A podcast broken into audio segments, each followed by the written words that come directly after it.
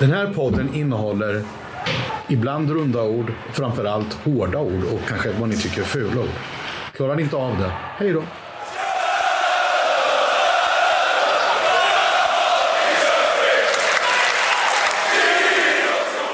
Ja! Äntligen visar det jävla laget lite stor kukmentalitet. Så jävla svårt ska det inte vara att kunna gå in i skiten och bara göra ett skitjobb och få lite smuts under naglarna. Vin för helvete! Och äntligen vann vi. Skönt där. Välkomna till det tredje avsnittet av Ståplatspodden. Håll för öronen ni som inte vågar vara med, för nu kör vi. Vad har hänt i veckan? Vad tycker du? Vad säger ni, vi som är med? Fredrik, Jakob?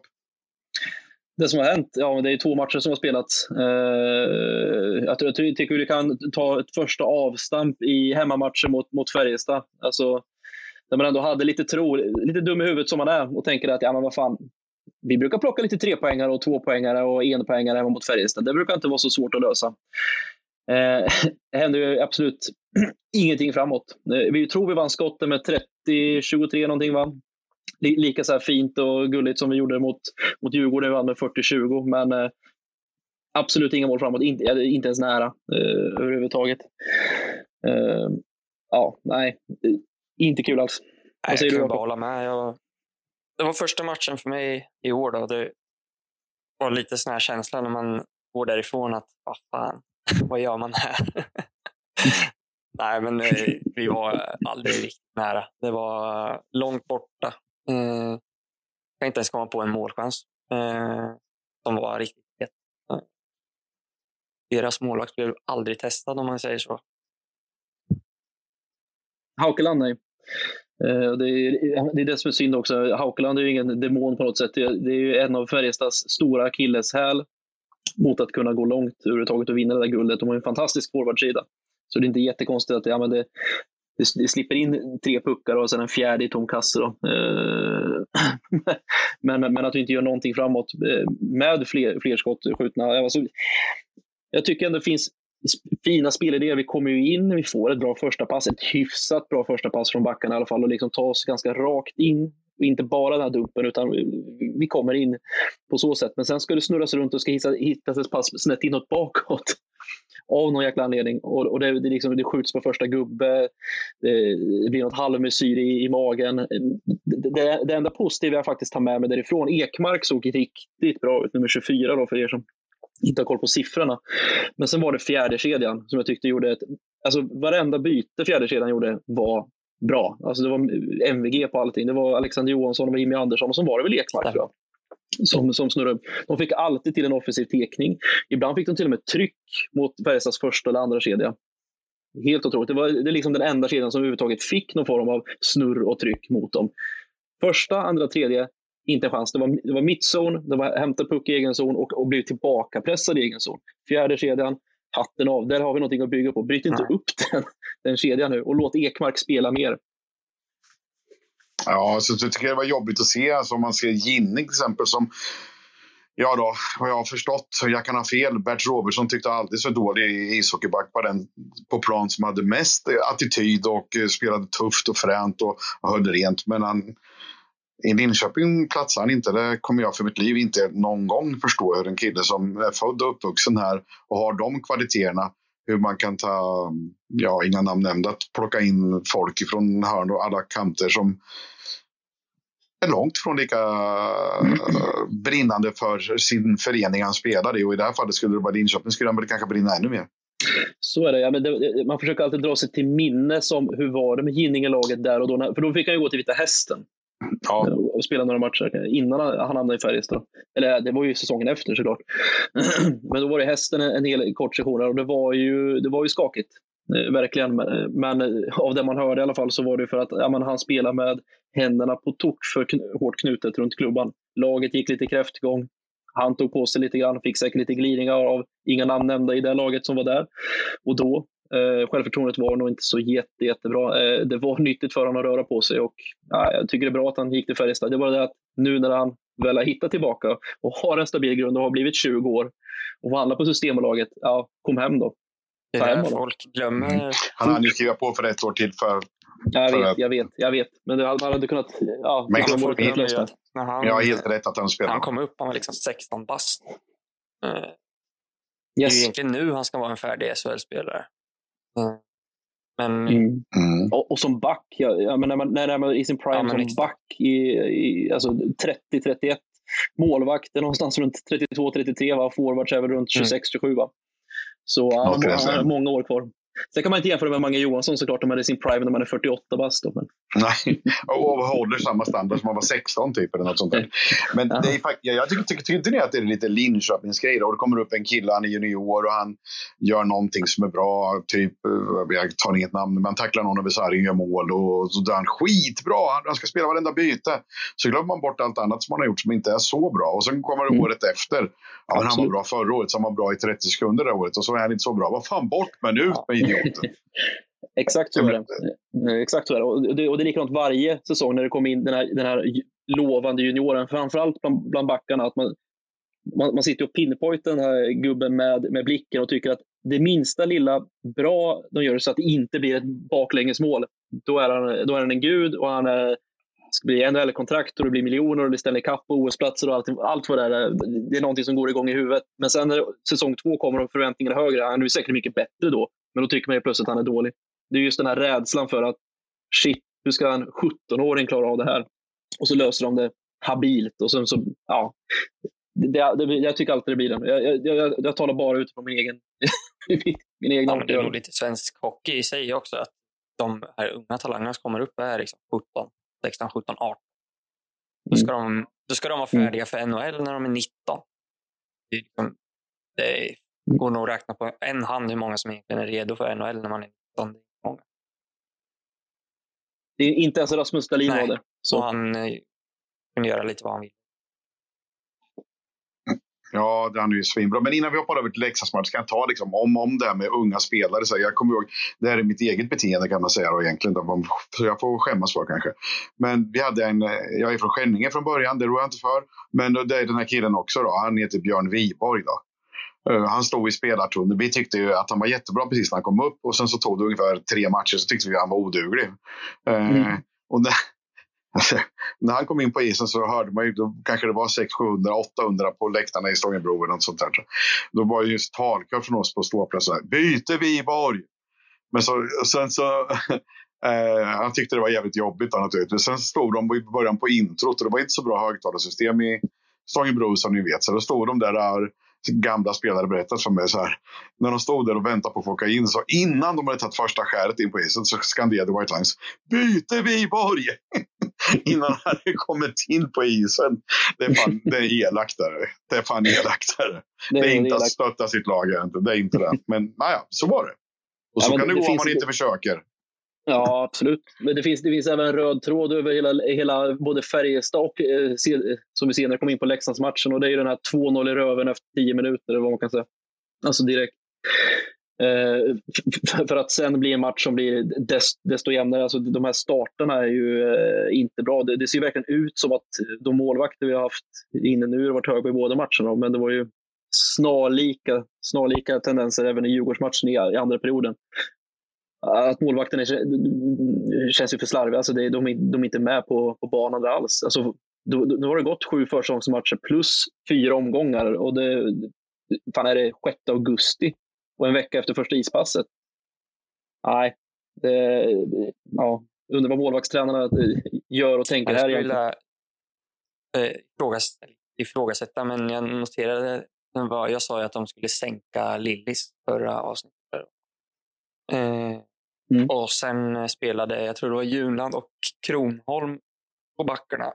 Och då, när han kommer fri där så noterar jag att Junland gör den här klassiska som han brukar göra, det här, pincha ganska tidigt. Problemet är att han har nya höfter. Mm. Han kommer inte fram lika fort mm. som han gjorde förut. Så det är ju någonting som jag skulle vilja titta på, eller titta på, men där borde ju backarna prata, eller backcoacherna snacka med Jonas att han måste börja värdera sina situationer bättre. Absolut. Ja. Men eh, Leksandsmatchen då? Seger på straffar? Fan vad jag... Ja, till slut. Det, det har väl nog aldrig varit mörkare. I, jo, i och för sig. Vi hade en, var det inte tio raka nollpoängare i en, en session förra säsongen? va? När vi slog vårt rekord. Ja, jag tror det. Det var det. Ja, jag tror nio, tio, tio raka nollor. Eh, men, men på något sätt känns det som att det, det, när det stod 3-0, att äh, mörkare period i en LHC-supporters liv har det aldrig varit.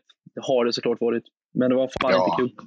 Jag orkar inte ens bli förbannad. Det var det som var sjukt. Jag var, ja, fan vad dåliga ni är. typ. ja. Ja, men, precis, det enda som liksom flyger då bara, ja, vilka vill man möta i playout egentligen? Är det Timrå? Jo, klart som fan det är Timrå.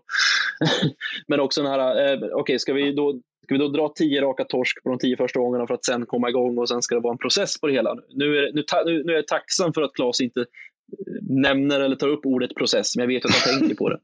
Ja, ja, han tänker ju på det, det är en process. Och det, det, det, är väl oundvikligt när det blir så att men, vi ska få in en Hävelid, vi ska få in en eh, Geron och vi ska få in en Claes Östman och sen är det ja, men, ganska mycket nya spelare på så sätt. Så, så det är klart som fan en process. Uh, men ja, nej, men var, jag tycker målen som, som släpps till där uh, är jävligt tveksamma. Jag vet att andra puckar, 2-0 målet, är väl mest tveksamma av alla. där. Jag tror Jakob var inne på det innan här, att det var väldigt tveksam sidledesförflyttning, får man säga. Där han helt det känns ju som att han borde läsa den situationen, för det är, det är ingen lång sidflyttning. Det är ganska tydligt att, att det ska komma en pass. Eh, behöver inte överbeta den situationen ja. så pass mycket som han faktiskt gör där. Eh, Nej, och, det, och det, det, det är sådana här mål han aldrig någonsin skulle, jag ska inte säga aldrig, men jag, jag, jag sticker ut hakan. Han skulle aldrig släppt det här säsongen 16-17 när han var här senast.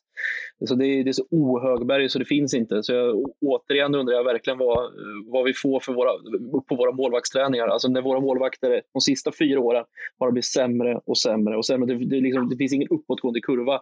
Den enda bra målvakten vi har, den är liksom wow-känslan, det är, det är en David Rautio som kommer in. Men han kom in och är bra för att han har blivit målvaktstränad av, ett, av andra coacher, färskt i minnet.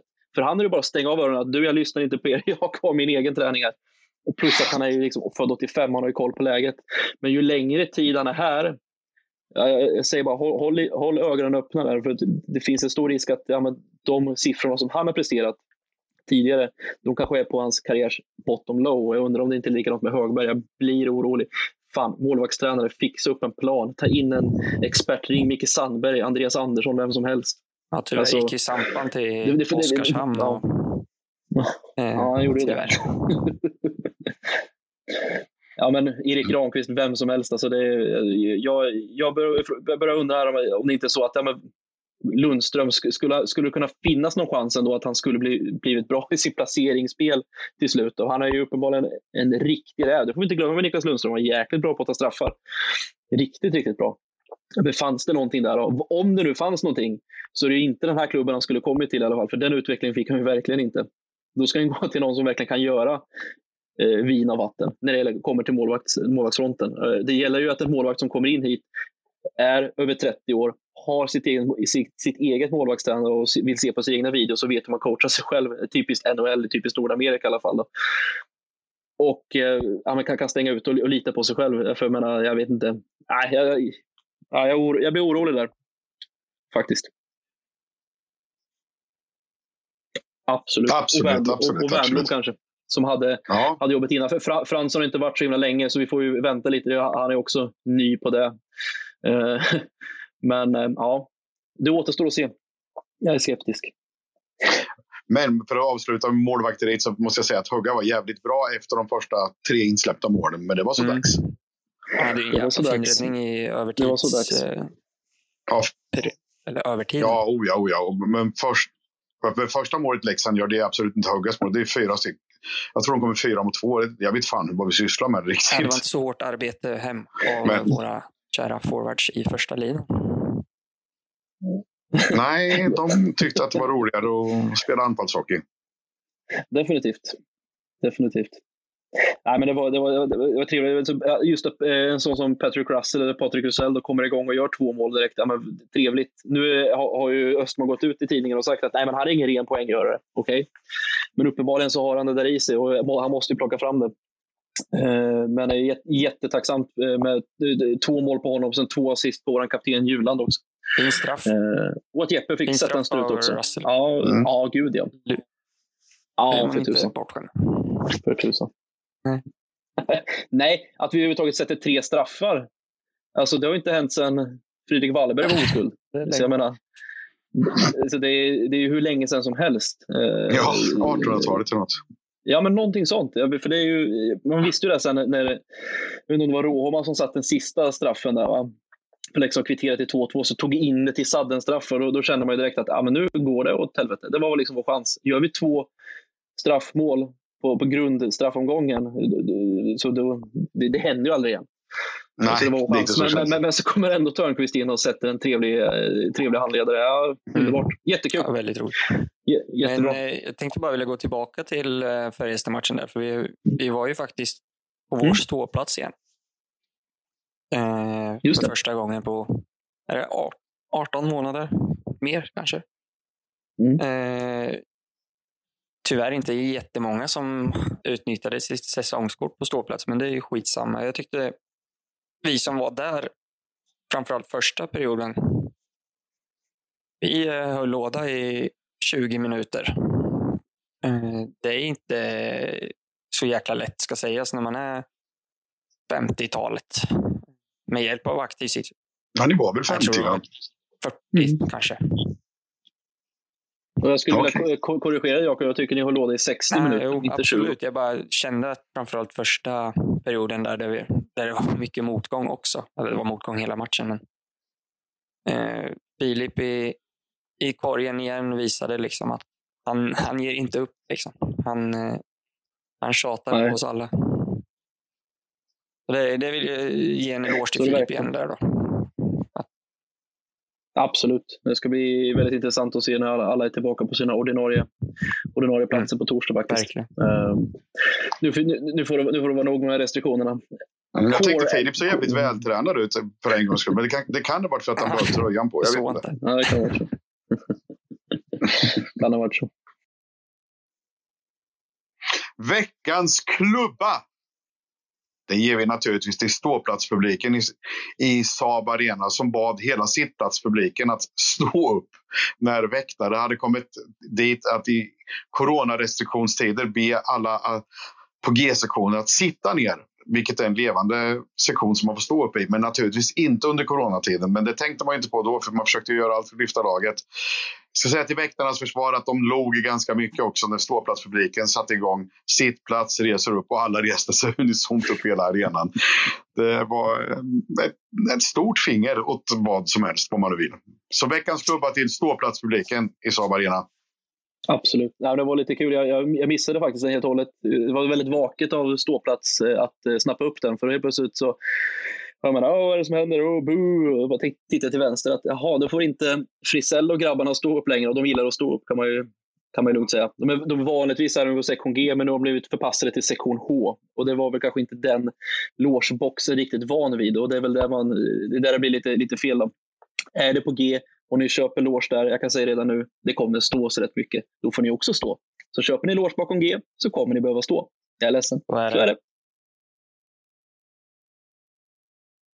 Ja, så har vi kommit till segmentet då som är eh, veckans bass på internet helt enkelt. Och det väl, råder väl inga tvivel om att um, det stora samtalsämnet där ute på framförallt sociala medier är ju den så kallade villkorstrappan. Ärligt talat så tror jag att många inom hockey-Sverige med mig och kanske många andra Eh, associerat villkorstrappan till ett problem inom supporterkulturen för just svensk fotboll, men inte alls för svensk hockey. Men det är ju egentligen en ganska felaktig, felaktig mm, mm, säga, an, an, antagelse. Eh, men jag tänkte vi kunde ja, men låta Jakob prata lite grann och ja, men förklara lite grann hur hans synvinkel på, ja, men för er som inte riktigt har koll på villkorstrappan, vad den egentligen går ut på, hur, ja, men hur, hur historien bakom den, den ligger helt enkelt. Ja, men grejen är ju att eh, Ja, nu säger polisen att de ska ta bort villkorstrappan och ha någon typ av handbok istället för hur man ska göra när det blir ordningsstörningar på, på en läktare. Och det kan både vara som sagt både hockey, fotboll eller om det är någon annan sport.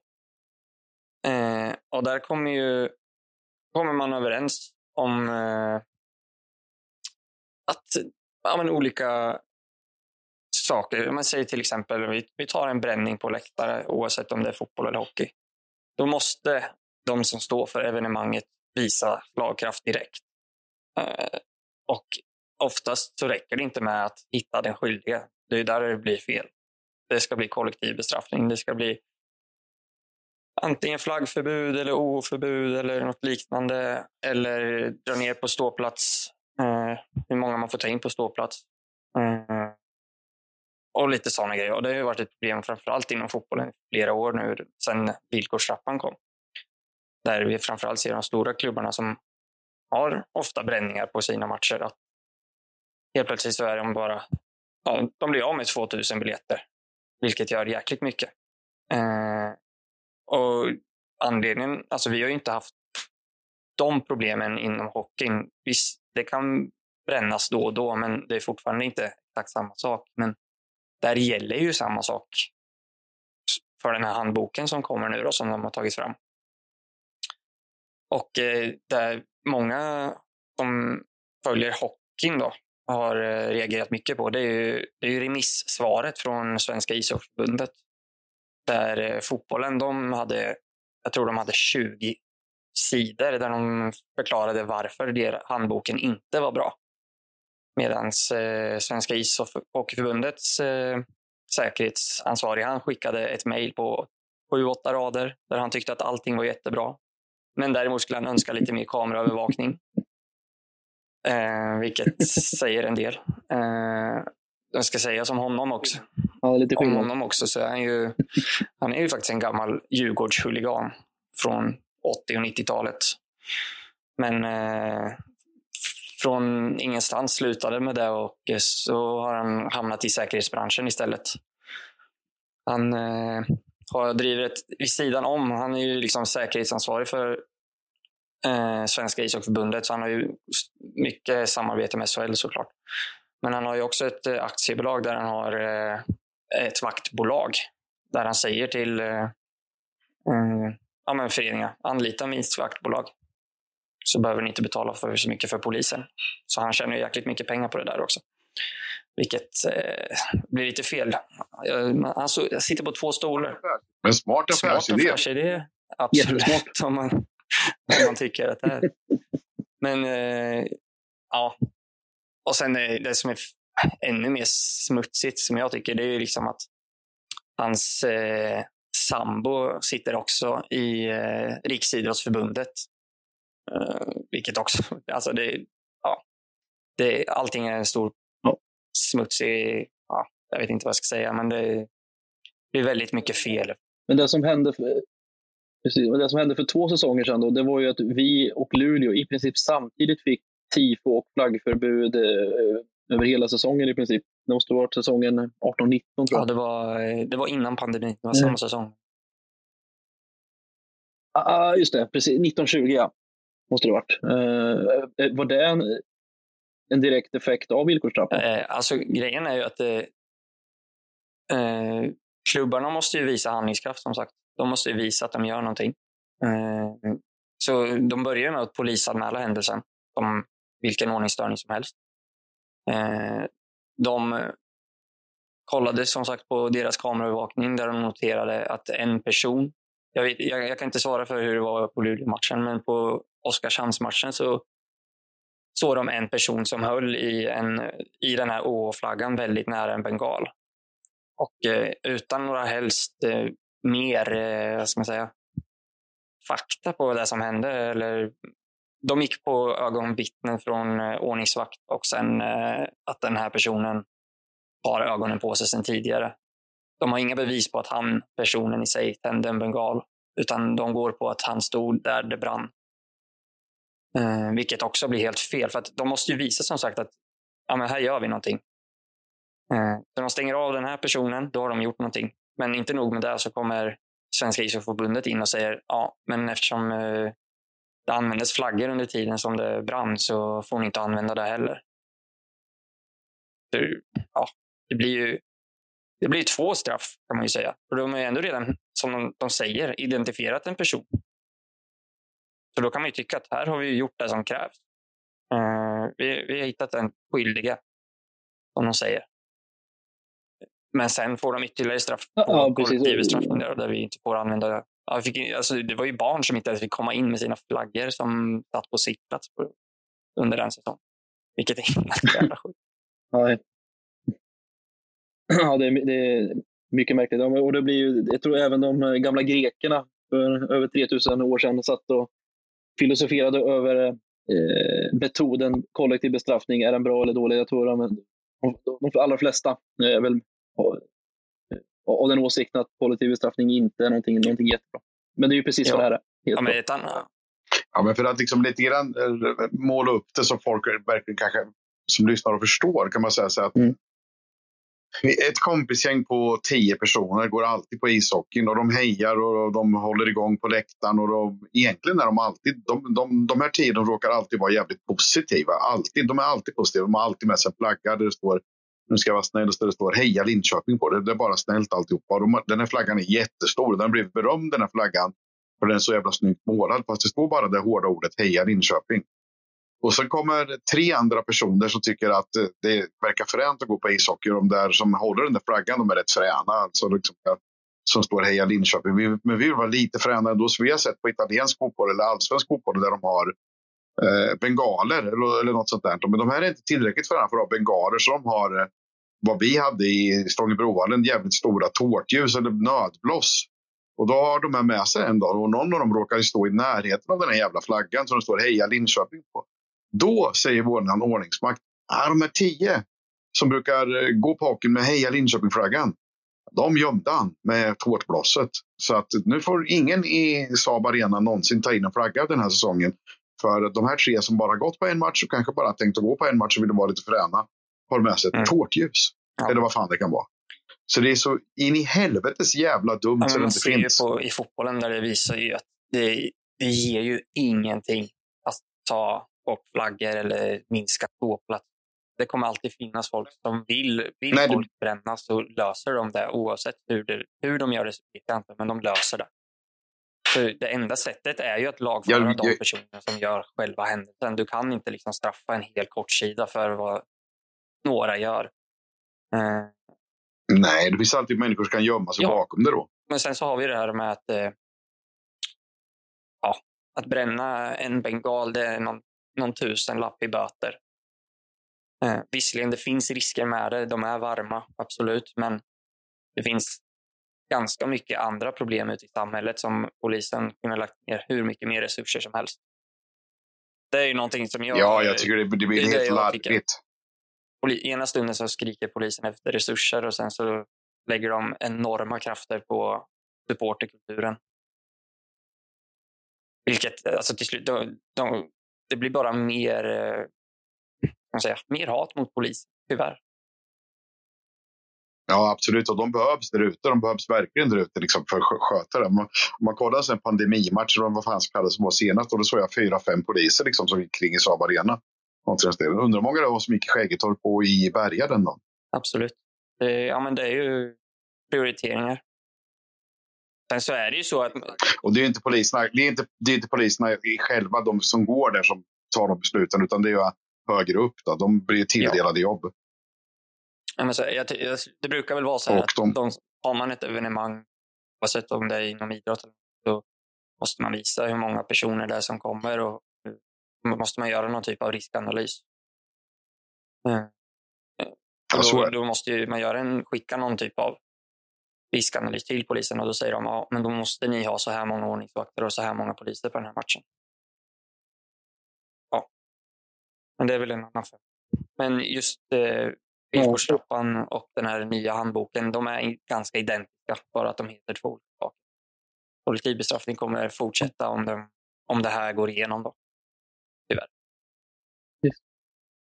Och vi är inte representativa för varken LOC eller White Lions eller någon annan eh, under supportergruppering. Eh, så vill ni veta var de står i den frågan så får man nog höra av sig till dem eh, direkt faktiskt. Eh, men vi, vi, kan ju, vi kan ge ett förhandstips på att det kanske inte är så jätteomtyckt. Nu på lördag, Texas Bar, givet för dig. Men det heter ju inte egentligen Texas Bar, det heter ju som vi alla vet Royal Arm, eller Royal Army tror jag det är. Eh, vi vet fan vad det är, men det är det viktiga namnet. Hittar inte bättre pris på burgare, bättre pris på bärs i stan den här dagen. Och för övrigt så bör man alltid träffas och synas där. För det är BLs gamla stampub och det är där man är, det är där man ska. Det finns ingen annanstans att välja på. Där är man innan match, där är man efter match. Innan match sjunger man upp sig, efter match så dränker man sorgerna oftast. Men man kan ha kul också efter. Men på lördag slår vi upp portarna där. 12.00. Kom dit och drick bärs med alla oss. Vi från podden kommer vara där. Kom dit och säg hur dåliga vi är, hur bra vi är. Sen ska vi sjunga upp oss. ska vi tåga mot staben för att göra livet surt för renskötarna från Skellefteå. Ja, men, eh, men vi börjar väl med 30 där vi har eh, Rögle hemma. Eh, Vankas tifo har jag hört. Mer än så vet jag inte. Kanske mer. Är det så? På riktigt? Har du inte fått en förhandsvisning? Jag det, blir, det, ser, okay. det ser jävligt bra ut. Eh, det. Vi ska bjuda in en av de här snubbarna, tänkte jag, i någon podd för de får snacka lite tid. För de är faktiskt eh, de är helt färska det här året. De var med lite i den gamla gruppen tidigare, men nu, nu har de, står de på egna ben. Det ska bli jävligt intressant att se vad de kan lyckas med. Verkligen. Så är, pratar vi stor OH-flagga på långsida eller kortsida? Blir det, blir, blir det små flaggor? Blir det konfetti? Blir det rullar? Det kommer nog vara en ganska fet OH. Eh, mer än så vill jag kanske inte förklara, mm. men eh, blickarna mot ståplats i alla fall kan jag säga. Det kommer bli, ja. ja det kommer bli jävligt är riktigt. Där. Ah, trevligt. Ja. Trevligt. Men då är, det, då är det ingenting som sittplatspubliken behöver hålla, hålla upp några ark eller liknande, utan det är bara, det är bara ja, att titta och njuta. Alltså. In, inga ark vad jag vet. Men jag, nej, inga ark. Mm. Men eh, vi kan väl mm. säga så här att vi, det finns ju faktiskt ett, ett swish-nummer också. Kör till de här grabbarna. Mm. Eh, som det ser ut nu så eh, ligger det på White Lions Swish länge, för de ska starta eget som sagt. Men swisha gärna en slant till 1, 2, 3, 3, 8, 9, 4, 2, 7, 6. Så kommer pengarna in till dem så kommer de kunna fortsätta göra fina. Mm. Glöm inte bort att märka det, märka det med tifo, så annars går det till eh, Thomas Kjellanders eh, munvattenskassa. Ja, med tifo så blir det väldigt mycket lättare för den kassören. men, men, matchen då? Vad tror vi? Vad hoppas vi? Vad... Alltså, så här är det. Tre raka trepoängare hemma mot Rögle har vi tagit. Det eh, var någon eh, hösten 2019 någon gång senast som de, eh, som de slog oss hemma i Saab. Ja, det var den eh. hemska matchen tror jag, när, när alla fick två, vart utvisade så fort de tittade på någon. Ja, det stämmer. Det, det stämmer. Jag tror det var en 3-2-torsk eller talat eh, hemma där. Eh, Mm, ja, det var ju, vi har ju tagit en 5-1-vinst, vi tog en 2-1-vinst och sen var det ju den här eh, halleluja-matchen i slutet på förra säsongen när vi just hade slagit Brynäs borta i Gävle. Va? Och sen så vände vi hem och fick ytterligare en tre mot serieledarna Rögle. Det var ju helt otroligt egentligen. Så det har ju gått bra. Det, det finns uppenbarligen chanser att slå just Rögle. Men, och vad kommer Rögle från alldeles eh, nyligen? Då? Jo, det är en 3-2-torsk borta mot Växjö. Då. Eh, jättesvårt att kunna dra växlar mellan andra lag när de möter andra så här tidigt på säsongen. Men ja, de är uppenbarligen mänskliga. Eh, så får vi se. Eh, det gäller ju att den målvakten som står för dagen hos oss, då, eh, Rautio Högberg, alltså, gör en fantominsats och kanske bara släpper en puck för att det ska finnas, finnas en chans. För vi vet att det finns Rifalk där bakom om det nu är han som står. Och, det, och Rögle är ju verkligen på, Rögle är ju verkligen en topp fyra contender det här året. Kanske till och med en topp två, det, det, får vi se. Men de ser ju, har ju sett ruskigt starka ut. Det kan också vara så att de lagen som var bra, nu gick de ju till final förra året, att, att man lever på de första 15 omgångarna och sen så börjar verkligheten komma ikapp. Eh, det ska bli intressant att följa Rögle på många olika sätt. Och just av den anledningen, så jag, jag vet inte, de är luriga, men de var ju uppenbarligen, var, vilka var det de spöade? 5-0, var det Leksand ja, borta eller något? De hade väl ganska, ja, hade lekt med Leksand. Så. Ja, precis. Så de, har ju, de har ju varit on the road, för de fick ju till en väldigt bra deal där med restriktionerna att de spelar egentligen bara borta ända fram tills dess innan. Ja, de bygger det. väl om Kateter, Kateter Arena va? har de inte byggt om den flera gånger den jävla hallen? Jo, då, men det, det, det kan byggas ja, mer. Blir... En expansion, expansionsklubb vet du. ja, vi har också gjort någon nivå, det heter Kalle, vad fan står det? Kalle... Kallzon. Kallzon, det, det är lite roligt. På långsidan där. Ja. Mm. Nej, men det ska bli jättekul. Alltså, jag tycker, precis som mot Färjestad så finns det alla chanser att plocka poäng. Men det, alltså, vi, må, vi måste hålla nere siffrorna och antal mål som trillar in bakåt helt enkelt. För men det, det håller inte att släppa in tre på hemmaplan. Vi är uppenbarligen inte av det, den kalibern att kunna göra fyra, fyra, fem mål per match under ordinarie tid. Inte återkommande i alla fall. När gjorde vi det senast? ja, men det var väl mot Rögle hemma tror jag, förra säsongen. Men kanske Eller vi gjorde fyra? Ja, ja, jag tror vi, det var en 5-3 vinst. Ja. Nej, men jag skulle gärna Om jag inte missminner mig. Alltså, det gör ju mycket med att vända ett 0-3 underläge. Mm. Ut och liksom våga köra. Spela med erektion ja, för fan. för, ja, men, ska, ska, ska Östman kunna lyfta det här laget så måste man kunna liksom få lite på raken också. Får inte ta en ticka här, en ticka där, utan måste plocka på oss lite så de har lite att stå på. Kan få jobba med både grunder och med lite special team. Det är ju jävligt svårt annars om vi ska hålla på liksom, nästan knappt för vatten. Precis. Ja, men jag hoppas att ja, men det finns lite, ja, men lite goda skratt och lite roliga skämt in i omklädningsrummet. Ni, ni måste förstå mig rätt, ja, men att det liksom inte är så jävla tryckt ja, stämning då. Eh, som det, som det rimligtvis borde ha varit efter de här tre raka nollpoängarna. Att det faktiskt blir lite skön gemenskap och veta att ja, men fan, vi kan. Eh, vi kan göra det. Eh, kan vi göra det borta så kan vi göra det mot hemma. Mot vem som helst. Faktiskt. Och sen eh, jävligt trevlig publik i ryggen också. Nej, men det, nej, Fan, ja. en till trea alltså. Det vill och ha. Köp biljetter för fan. Mm. Både till, ja, ja, kan, du, nu, kan du både nu, torsdag och lördag så är det bara att komma ner. För lördag är det som sagt, som Biffen redan pratade om, samlas redan klockan 12.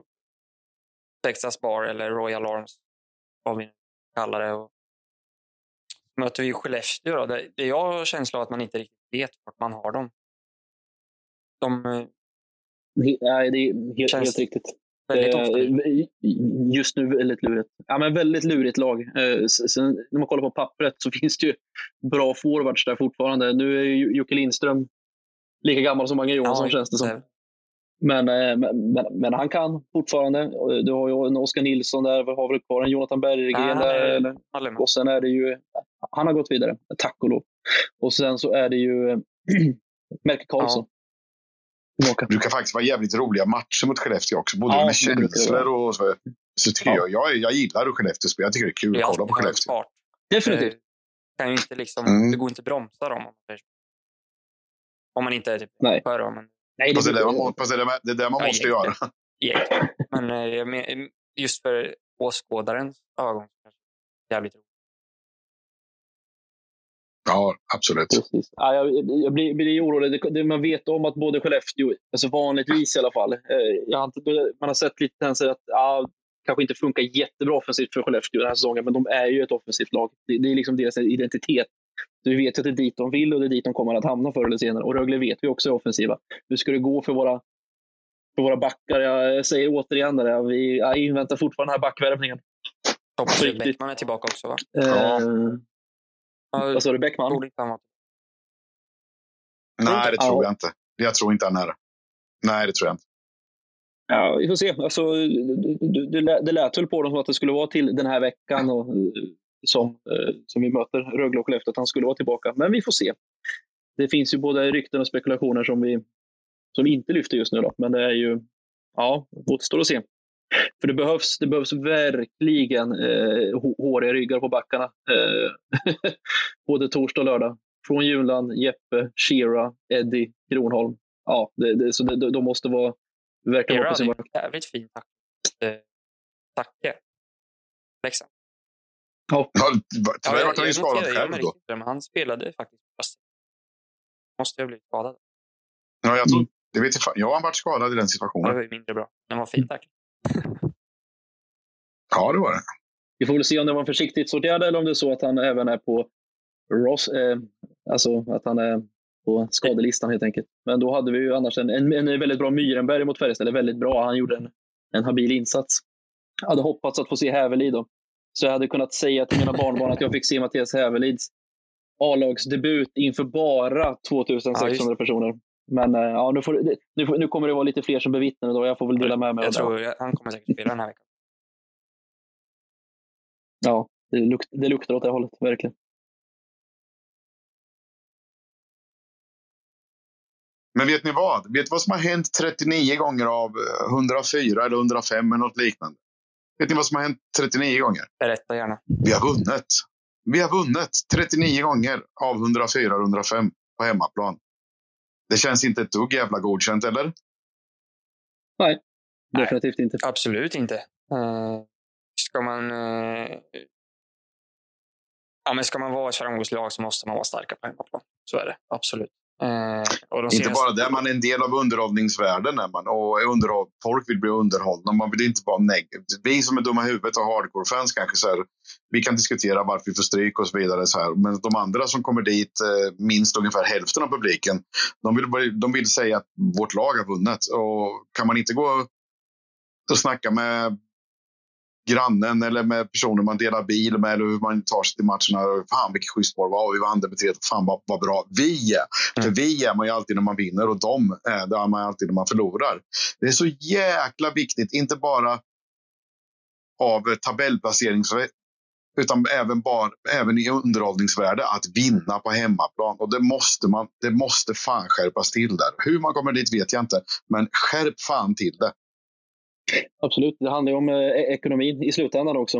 Eh, man kan vara ett ganska, eh, ganska avborstat bortalag men vara alltså riktigt vassa hemma. Typiskt Luleå hockey har väl alltid varit så de sista 30 åren. Mm. ja. det, drar ju folk, det drar ju folk till arenan och vet att men här kommer det liksom vara ja, vi, mitt lag kommer ändå göra ett, en, en riktigt jävla bra match och tro, troligtvis vinna också. För det är så det ser ut när vi spelar hemma. Mm. Så det är superviktigt. Jag, kan bara dra mig till, till minnes av Slavomir-säsongen. Det var två stycken. Första säsongen så vann, vann vi allting borta. Vann ingenting hemma nästan. Nej, typ. Det var verkligen vi, vi, vi helt anmärkningsvärt mycket. Året efter så var det liksom den största feedbacken tillbaka från Mike, Mike Hellberg och Johan Hemlin. Då, då torskade vi på, på, på bortaplan men vann på hemmaplan istället. Man sa typisk yin och yang, yin och yang säsong. Ja, men, det var, men, det, men det blev definitivt en mycket en, eh, ja, det varit ju mycket bättre drag runt hockeyn. Eh, år nummer två. Och Slaven Milene var där, helt klart. ja. ja, men eh, absolut. Och sen så är det ju, alltså, det blir, det, vad ska man säga, snöbollsrullningen, kan man kalla det så? Ja. ja men att vinna hemma, det, det, det, gör, det gör jävligt mycket. Eh, det är någonting som klubben måste skärpa till sig på. Eh, men vi pratar pratar tips då. Mm. Eh, vi börjar med Rögle-matchen eftersom den är närmast. Vad, eh, vad säger du Biffen? Vad tror du? Mm, jag brukar inte vara pessimist. Så jag, äh, det här är inte så pessimistiskt tips. Då. Jag tror fan vi vinner med 4-2 och Brock Little halkar in en hattrick. Äh, det, det, händer. ja, jag optimistisk då, för jag är alltid på, hemma, på hemmamatcher, så jag säger 3-3. Eh, sen får vi se hur det går i en eventuell eh, förlängning eller, eller straffar. Då, men, men 3-3, eh, det, det, blir det. Det blir mitt tips. Ja, jag, jag bara önskar mest mer än att tipsa. Men det är ju just att det är ett jävla drag på läktaren. LHC lyfter sig. Vi vinner oavsett med vad spelar fan ingen roll för min del. Men eh, att vi kan tillsammans lyfta en trepoängare med restriktioner och allt vad det innebär. Det hade varit jävligt bra. Eh, så det är, ja, ja, men vi säger en, en 3-0. Högberg håller sin första nolla. Oh, ja, för, för en nolla kommer han ju hålla i år. Förr eller senare kommer han göra det. Ja, han gör ju det. Han kan lika ja, det är jag övertygad om. Absolut. Och så har vi Skellefteå också då. Ja. Biffen börjar du då? De är jobbiga tycker jag. Jag, är, jag vet att Rögle är minst lika bra som Skellefteå, om inte bättre. Men det är full fart hockey. Men det är fullsatt Saab Arena, hoppas jag verkligen. Det är ett jävla drag på storsamlingen. Vi tar ledningen, för vi flyger som fornstora dagar i de första perioderna och tar ledning med 2-0. Tyvärr så halkar de in till 1-2, 2-2, men publiken lyfter och vi avgör i tredje period med 3-2. Då är det Jonas Junland som gör mål. Ja, bra tips. Jag ser det framför mig faktiskt. Eh, jag ser också 3-2. Det, det, är den känslan jag har. Jag tror absolut vi, vi kan stänga ner dem. Eh, det ser inte ut som att offensiven helt och hållet har klickat det. Eh, bara hoppas att vår defensiv har gjort det då. För då kan det bli 3-2 till oss. Ja. Så jag säger det. 3-2 till oss. Ja, jag får vara den här negativa. Då. Vi, vi vinner och tror att vi är världsmästare efter Rögle-matchen och sen så kommer vi, vi ner på jorden mot Skellefteå. det, är sex poäng det ska spelas om. Om, om någon hade sträckt fram näven till och sagt du, du, ni får fyra poäng nu, hade ni tagit det? Absolut. Garanterat. Eller? Ja, det, ja, men det, alltså, vi ska, det ska inte vara så, men så som läget har varit de senaste säsongerna så vi är inte stora stolta längre tyvärr. Nej då, det finns kvar. Det kommer. kommer tillbaka. ja, ja, intressant. Ja, men då har vi kommit till eh, det sista avslutande segmentet som vanligt, veckans anekdot.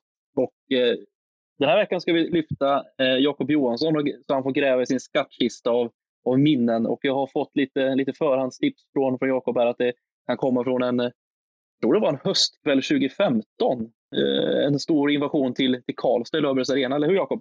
Ja, men det stämmer. Det, det var så här, var, jag och min bror, yngre bror, han har redan varit, vi har snackat om honom tidigare, men han, eh, han och jag åkte, tanken var ju eh, att vi skulle åka med White Lion såklart, men vi fick inte tag, vi hann inte få tag på de där biljetterna så då fick man åka med LOC istället. Eh, kommer inte ihåg, men vi var väl i alla fall ganska många bussar. Det blev väl en 700-800 pers. Eh, jävligt roligt innan. Captain Jack spelade och Dan Tanges kom upp på scen till och med. Drack en bärs. Eh, och sen, eh, ja men det var ju sjukt roligt framförallt innan, eh, innan matchen. det var ju typ highlighten.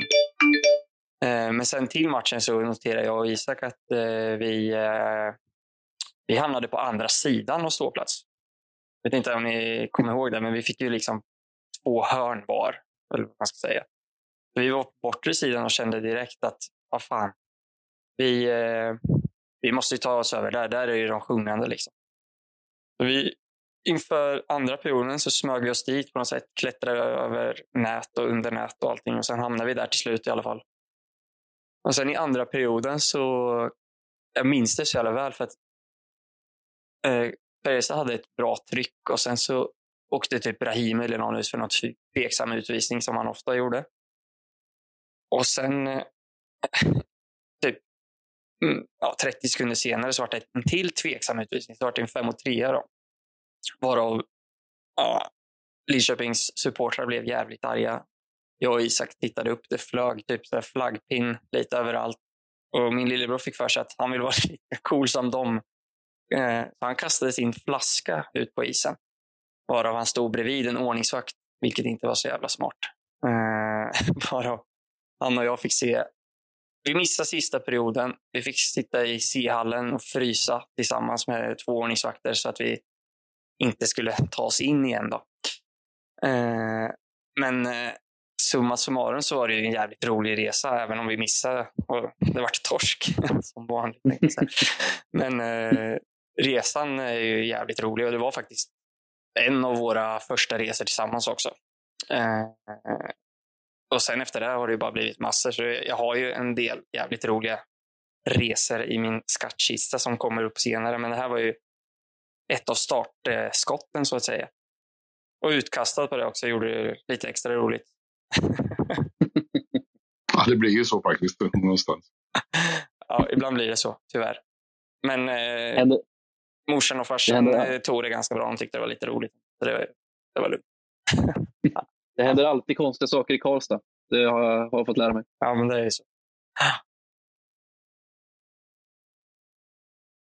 Tyvärr blev det ingen gäst den här veckan som vi hade hoppats och trott. Det skulle ha varit Niklas Pajen Persson som vi skulle ha pratat om eh, hur bra är vi eller hur bra är vi inte. Och han kunde inte så han kommer längre fram förhoppningsvis veckan som kommer.